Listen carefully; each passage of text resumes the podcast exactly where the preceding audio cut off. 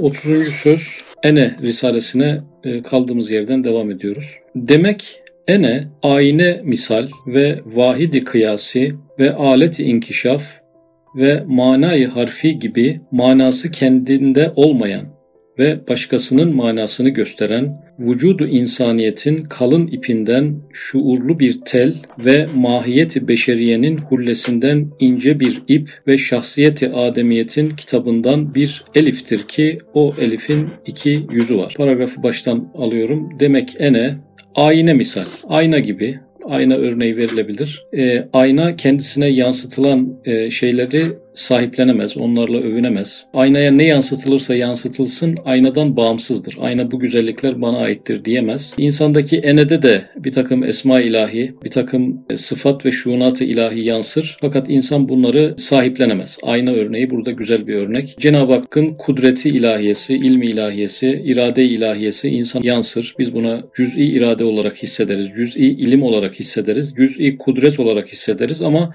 Bunların hepsi yine aynada yansıyan şeyler olduğu için yine sonuç itibariyle cüz'i de olsa bize ait olmadığını fark ederiz. Çünkü enenin e, bir yansıtma yeri, bir yansıma yeri olduğunu fark ederiz. Bir ayna olduğunu, bir yerden büyük hakikatler yansıyor olsa bile o hakikatlerin aynanın kendisinden yani bizim kendi varlığımızdan kaynaklanmadığını düşünürüz ve vahidi kıyası. Kıyas yapalım diye bir e, ölçek, farazi bir ölçek, hayali bir ölçek olduğunu unutmamak gerekir. Ve aleti inkişaf, bir takım hakikatleri ortaya çıkarma aleti. Kendi hakikatimizi değil, bir takım ilahi hakikatlerin ortaya çıkma aleti olarak görürüz. Manayı harfi, manayı harfi kendinden başkasını gösteren bir mana. Yine enede yansıyan hakikatler manayı harfi e, örneği verilebilir. Manayı ismi olsaydı bu hakikatler enenin kendisine ait olurdu. Fakat manayı manay harfi örneğinde olduğu gibi e, başkasının hakikatini gösteriyor. Kendi hakikatini göstermiyor. Manası kendisinde olmayan ve başkasının manasını gösteren vücudu insaniyetin kalın ipinden şuurlu bir tel. Bu insanın e, varlığının bir takım iplerden örülü olduğunu hayal edecek olursak muhtemelen bu iplerden kasıt insanın latifeleri. O latifeler arasında bir takım e, şuurdan bağımsız latifeler var. Bir de şuurlu latifeler var. Bu şuurlu latifelerden birisi de ince bir şuur, ince bir tel e, olarak şu kendi başına bir şuuru var. Yani bir bizim kendi aklımız var. Bir de enenin kendi içinde bir şuuru var. Şuurlu bir latife. O da kendisini var görüyor. Sahiplenmesi, e, övünmesi, kibirlenmesi biraz da ondan. Kendine ait bir varlığını görünce bizzat kendini müstakil bir varlık olarak görüyor. Dolayısıyla latifelerimizin hepsi şuurlu değil. Biz kendi şuurumuz üzerinden latifelerimizi yönetiriz. Fakat ene gibi öyle latifeler var ki kendi içinde şuurlu, kendi içinde bir tünlüğü var, kendi içinde bir benliği var. Adeta insanın içinde insandan öte bir varlığı var. Bir ben vardır benden içeri e, dendiği gibi bir özel bir varlık kendi başına. Sadece bizim bir latifemiz değil. Kendi başına müstakil, bağımsız bir şuuru e, olduğu ifade ediliyor. Ve mahiyeti beşeriyenin hullesinden ince bir yani insanlık e, elbisesinin e, yine iplerden dokunduğunu düşünecek olursak onun birçok ipi var. E, birçok renkte, birçok kalınlıkta ipleri var. Bunlardan sadece ince iplerden bir tanesi de yine ene ve şahsiyeti ademiyetin kitabından bir eliftir ki o elifin iki yüzü var. Yani elif harfinin Arapça yazılışını e, düşünelim. İnsanlık kitabının birçok paragrafları, cümleleri, sayfaları, kelimeleri var. Harfleri var. Kitabın içerisinde birçok harfler var. O harflerden sadece bir tanesi. Şuurlu bir harf, ayrı bir konu. Kendi başına şuuru olan bir harf ama sonuç itibariyle şahsiyeti ademiyetin kitabından bir elif bir tane harf yani. Halbuki bütün diğer harfleri ele geçirmeye çalışan, diğer bütün kitabı yönetmeye çalışan bir tarafı var. Zaten dersin konusu da o. O elifin iki yüzü var. Yani o harfin iki yüzü var. Biri hayra ve vücuda bakar. O yüz ile yalnız feyze kabildir, vereni kabul eder, kendi icat edemez. O yüzde fail değil, icattan eli kısadır. Yani Elif'in iki yüzü var. Bu Elif'in bir yüzü hayra bakan yüzü, hayra bakan tarafı. Hayra bakan da gelen feyizleri, iyilikleri, güzellikleri, kemalatları kabul etme gibi bir makamı var. Kabul etmekle bir e, puan kazanıyor tabiri caizse. Kendi icat etmediğinin farkında bir yerde Risale-i Nur'un başka bir yerde mazhar değil memersin. Yani sen bir uğraksın. İyilikler, güzellikler, zenginlikler, kemalatlar Cenab-ı Hakk'ın takdiriyle sana uğratılıyor. E, işte senin hayır cihetin budur. E, bu cihette sende bir marifet varsa kabul marifeti, gelen e, güzellikleri kabul etmek, reddetmemekle alakalı insanın belki bir faziletli bir tarafı var.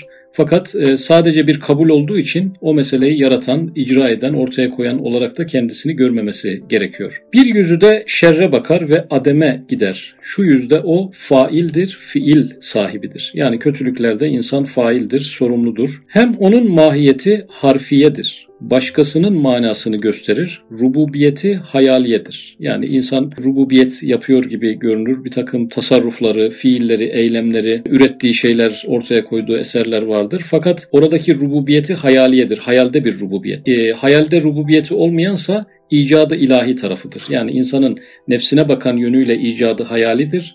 Fakat ortada bir ürün var. E, bunun bir hakiki faili olması gerekiyor. Kader ilahi noktasında da faili hakiki bir faildir. Vücudu o kadar zayıf ve incedir ki bizzat kendinde hiçbir şeye tahammül edemez ve yüklenemez. Neden e, zayıf ve ince olduğuna sürekli vurgu yaptım metnin burasına kadar? Çünkü güç ve servet bakımından e, bir sıfır. Yani insanın enesi herhangi bir şeye sahip çıkabilecek hiçbir gücü yok. E, herhangi bir fiil ortaya koyacak kadar hiçbir serveti ve kuvveti yok. La havle ve la kuvvete illa billahil aliyil azim. Bütün kuvvet Allah'ta, bütün servet orada. İnsanın sermayesi hiç hükmünde. İnsana uğratılan güç ve sermayeler var. Ene bunlara sahip çıkıyor. Ben yaptım, ben ettim diyerek sahip çıkıyor. O zayıf ve ince haliyle bütün üzerindeki icraatlara bir gurur ve kibir noktasında sahiplenme gibi bir imtihanla da karşı karşıya. Belki eşyanın derecat ve miktarlarını bildiren mizanül hararet ve mizanül hava gibi mizanlar nev'inden bir mizandır ki vacibül vücudun mutlak ve muhit ve hudutsuz sıfatını bildiren bir mizandır. Yani gerçekten muhteşem bir örnek olduğunu düşünüyorum. Hava sıcaklığıyla termometreyi beraber düşündüğümüzde birisi dese ki bu termometre yükseliyor diye hava ısındı. Yani havayı ısıtan termometredeki etki. Termometre arttığı için her taraf güneşli, sıcak bir hale geldi. Termometrede bir güç var dese, asıl güç termometreden kaynaklanıyor dese veya termometre aşağı inince termometrede öyle bir güç var ki aşağıya indi diye her taraf dondu. Kar yağdı, kış oldu.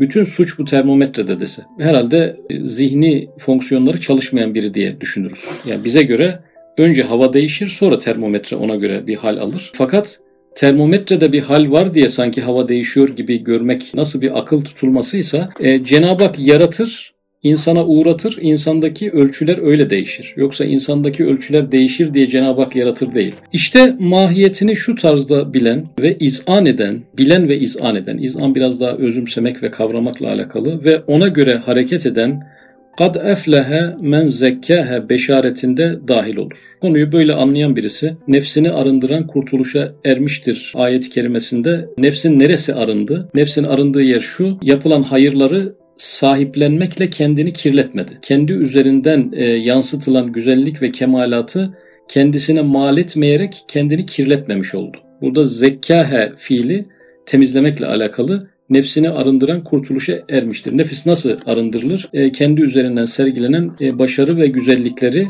sahiplenmemekle arınmış olur. Tersi nedir? Bunları sahiplenerek kirlenmiş olur. Nefsin kirlenen tarafı budur. Emaneti bir hakkın eda eder. Emanet neydi? Sahiplenmemek idi. Bunu bir hakkın yerine getirmiş olur ve o enenin dürbünüyle kainat ne olduğunu ve ne vazife gördüğünü görür. Konu nereden kainata gitti? Enenin dürbünüyle. Ene kendisini sahiplenmeyince benim de bir sahibim var deyince benim yaptığım ve ürettiğim şeyleri de yapan biri var aslında bana yaptırıyor e, diye düşününce kainattaki bütün e, hadiselere de böyle bakmak durumunda kalır. Madem ben yaptığımı ben yapmadım e, benim üzerimden Allah icra ettirdi. O halde kainattaki bütün işleri de Allah icra ediyor. Onlar da kendi kendine olmuyor. Dünya kendi kendine dönmüyor. Ben nasıl kendi kendime sahip değilsem. Samanyolu galaksisi kendisine sahip değil ben nasıl kendime sahip değilsem. Böylelikle kainata da manayı harfiyle bakar. Yani kainattaki bütün icraatın failinin Cenab-ı Hak olduğu bilgisiyle kainata bakar. Biz buna manayı harfiyle bakış diyoruz. Bu nereden başladı? Kendisine böyle baktığı için başladı. Kendi üzerine bir manayı harfiyle bakabildiği için kainattaki bütün e, fiillere de manayı harfiyle bakmış olacak. Tersi olsaydı kendisine manayı ismiyle bakan bir ene gerçekten bir şeylerin sahibi, gerçekten ilmin, iradenin ve kudretin kendi üzerindeki, kendi çapındaki sahibi olarak kendini görseydi, kainattaki işleyiş sisteminin de kainattaki sebeplere ait olduğunu düşünecekti. Manayı ismiyle yaklaşmış olacaktı. O zaman kainatın işletim sistemini kavrayamayacaktı. Kainat ona kendisini kapatacaktı. Ne vazife gördüğünü görür ve afaki malumat nefse geldiği vakit ene de bir musaddık görür. Yani dışarıdan bilgi geliyor ama nasıl bir bilgi geliyor? Manay harfiyle bir bilgi geliyor. Manay harfiyle nefse gelen en küçük bir bilgi bile ene de bir tasdikçi görür. E, güneşi yaratan Allah'tır bilgisi kalbe geldiği zaman zaten beni yaratan da Allah'tı, benim fiillerimi yaratan da Allah'tı, güneşi yaratan elbette Allah'tır şeklinde bir musaddık, tasdik edici. Ben de zaten böyle düşünüyordum diyen bir ene ile karşılaşır. Yani güneşi Allah yaratmıştır ve onun üzerinde tasarrufu Allah yapmaktadır bilgisi kalbe geldiğinde zaten benim fiillerimi de Allah yapmaktadır, Allah yaratmaktadır ile bir tasdikle karşılaşmış olur. Bir altına bir imza atmış olur. Aynı kodlu iki bilgi. Manay harfiyle kendine bakan bir ene kainata manay harfiyle bakabilir. Manay harfiyle gelen kainat bilgileri de e, enede bir tasdikçi görür. Ulum, nur ve hikmet olarak kalır. Bu bilgi sadece kuru bir bilgi olmadığı için manay harfiyle Allah hesabına kainata bakılarak kalbe gelen bir bilgi olduğu için sadece kuru bilgide kalmaz nur ve hikmete dönüşür. Kalpte nur ve hikmete dönüşür. Kimin kalbinde? Kendi enesinin hayra bakan cihetinin farkında olan ve bir taraftan da kendine manayı harfiyle bakabilen bir insanın kalbinde gelen o bütün ilimler nur ve hikmet olarak kalır. Zulmet ve abesiyete inkılap etmez. Peki nerede zulmet ve abesiyete inkılap ediyordu? Kendisine müstakil bir varlık olarak bakan biri, kendisinin sahibinin kendisi olarak gören, kendi organlarını da kendinin gören, kendi fiillerini de kendi icra ediyor gören bir insan kainata baktığında da her şeyi sebeplerden bilmek mecburiyetinde kalacaktır. Sebeplerden e, bilerek elde ettiği bilgiler manayı ismiyle gelen bilgilerdir. Onlar insana geldiği zaman da güneş şöyledir, ay böyledir, uzay böyledir, uzayın büyüklüğü şöyledir. Faili e, Allah'tır parantezini unutarak e, bütün e, bilimlere baktığından dolayı o bilgiler kalbe geldiği zaman zulmet ve abesiyete inkılap eder. Kalpte bir karanlık meydana getirir. O yüzden kişi biyologtur, işte kimyagerdir, işte belki doktordur, belki e, astronottur. E, bizim belki milyon katımız bilgilere de sahip olabilir. E, fakat o bilgiler neden onu Allah'a yaklaştırmaz? Neden onun kalbinde bir takım aydınlanmalara sebebiyet vermez? Neden iman etmesine vesile olmaz? Çünkü manayı ismiyle nereye ne kadar çok bakılırsa bakılsın kalpte ancak zulmet ve abesiyete sebebiyet verir. Çünkü her şeyin failini ortadan kaldırdığınızda oradan elde ettiğiniz bilgi de e, kalbe nur ve hikmet olarak inmeyecektir. Dolayısıyla enenin iki yönünden birisi yani hayra bakan cihetiyle e, bu bilgiler nur ve hikmete dönüşür. Meseleyi kavrayan bir enede bütün bilgiler, en küçük bilgi bile Allah'ın marifetine sebebiyet verir. Marifetullah'a sebebiyet verir. İsterse bu bilgi fenni bir bilgi olsun, bilimsel bir bilgi olsun. Enesine manay harfiyle bakan bir insanın nazarında bunların her biri kalpte bir gıda, Allah'a yaklaştıran bir bilgi e, ve marifetullahı geliştiren bir malumat e, durumuna geçer. Vaktaki ene vazifesini şu suretle ifa etti. Vahidi kıyası olan mevhum rububiyetini ve farazi malikiyetini terk eder. Yani bir emanet göreviydi. Bir farazi malik olduğunun farkındaydı. Yani ben kendi organlarımın farazi sahibiyim. Yani farz et ki ben onun sahibiyim. Hayalen sahibiyim. Aslında değilim. Sahiplik duygusu bana verilmiş ki Cenab-ı Hakk'ın e, kainatı olan malikiyetini anlayabilelim diye verilmiş o bilgiden sonra e, bu bu bilgiyi de terk eder. Bu faraziyatı da terk eder. Lehul mulku Mülk onundur. Ve lehul hamdu hamd onadır. Ve lehul hukmu huk, hüküm onundur. Ve ileyhi turceun dönüş onadır der. Hakiki ubudiyetini takınır. Hakiki ubudiyet arkadaşlar başka yerlerde de üstadımızın tarif ettiği aczinin farkında olmak, fakrının, noksanlarının ve kusurlarının farkında olmakla genel olarak e, ubudiyet hakikati e, ifade ediliyor. Dolayısıyla enaniyetin tersi acz, fakr ve noksanının farkında olan insandır. Dolayısıyla burada e, hakiki ubudiyetini takınmak neyle oluyormuş? Farazi malikiyetini terk etmeyle oluyormuş. Ben yaptım, ben ettim, benim sahip olduklarım gibi görünen şeylerden vazgeçmek. Bunların aslında sadece Cenab-ı Hakk'ın e, sıfat, esma ve şuunatını kavramak için bize verilmiş farazi, hayali bir duygu olduğunun farkında olup kendi sahibi olduğumuz şeylerin de Cenab-ı Hakk'ın malikiyetine dahil etmek, kendi sahibi olduğumuz bilgiyi Cenab-ı Hakk'ın ilmi muhitine dahil etmek, kendi üzerimizde bir kuvvet ve kudret küçük planda göründüğüne göre bunu da kudreti ilahiyeye dahil ederek bu mevzunun e, içerisinden çıkmak hakiki kulluk böyle oluyor. Makamı ahseni takvime çıkar. Yani e, hakiki ubudiyetini takınmak neyle oluyormuş? Terki enaniyetle. Terki dünya, terki ukba, terki hesti, terki terk. Bu üçüncü sırada saydığımız terki hesti benliğini terk etmek. Bu yine Nakşibendilerin galiba üzerinde çok e, durdukları kavramlarda. Terki enaniyet demek ki nur mesleğinde de ana meselelerden birisi olarak karşımıza çıkıyor. Eğer o ene hikmeti hilkatini unutup, hikmet hilkati neydi? Vahidi kıyası olması, bir ayna olması, yansıtan değil de yansıyan bir yer olması unutup, unutma kelimesi niye geldi? Demek ki arkadaşlar farazi olarak sahip olduğumuzu bizde güç ve kuvvet olmadı. Bu sık sık kendimize hatırlatmamız gereken bir şey bu, bu dersi şu anda öğrendik. Hayat boyu bu derse gidemeyiz. Bu her gün yeniden tekrar etmemiz gereken bir şey. Belki la ilahe illallah derken yine bu hatırlatılıyor. Vahdehu la şerikeleh derken belki bu hatırlatılıyor. Belki namaz tesbihatında defalarca bu mevzular hatırlatılıyor. E, demek ki unutulan bir şey. Sık sık unutulan bir şey. Unutup vazife-i fıtriyesini terk ederek kendine manayı ismiyle baksa, kendini malik ittikad etse ve o vakit emanette hıyanet eder kendini malik itikad etse o vakit emanette hıyanet eder. Emaneti insan yüklendi, insan zalimdir, cahildir dediği o kritik ayet, ayet-i kerime kendini malik e, görmekmiş. İnsan bir şeylere kendini sahip görürse, kendisinde bir kudret vehmederse, kendisinde bir ilim olduğunu kabul ederse, onu kendi ilmi olarak görürse bu emanete hıyanet böyle oluyormuş. Vekat habe men dessahe. Nefsini arzularıyla baş başa bırakan onu ziyan etmiştir. Ve kad habe men dessahe. Arzularıyla nefsini baş başa bırakan onu ziyan etmiştir. Altında dahil olur. Demek ki nefsin arzusu nedir arkadaşlar? Burada yine enaniyetin arzusu bir şeyleri sahiplenmek, kendisinde bir varlık vehmetmek, e, yapıp ettiği şeyleri kendisinden bilmek. İşte bütün şirkleri, şerleri, dalaletleri tevlid eden enaniyetin şu cihetindendir ki semavat ve arz ve cibal tedehhüş etmişler. Farazi bir şirkten korkmuşlar. Demek ki her türlü şirkin, her türlü kötülüğün, her türlü sapkınlığın anası enaniyetmiş. Enaniyetten kaynaklıymış. E, ama enaniyetin de bir yönü bunları doğuruyor. Hangi yönü doğuruyor? Farazi bir şirk yönü. E, demek ki yerin, e, dağların ve semanın kaçındığı şey farazi şirk. Çünkü insan bu farazi şirki yüklenmiş. Cenab-ı Hak insandan e, bu farazi şirki niye yüklendin diye hesap sormuyor. Farazi şirk zaten enaniyet cihetiyle insana bir imtihan olarak önüne konulmuş.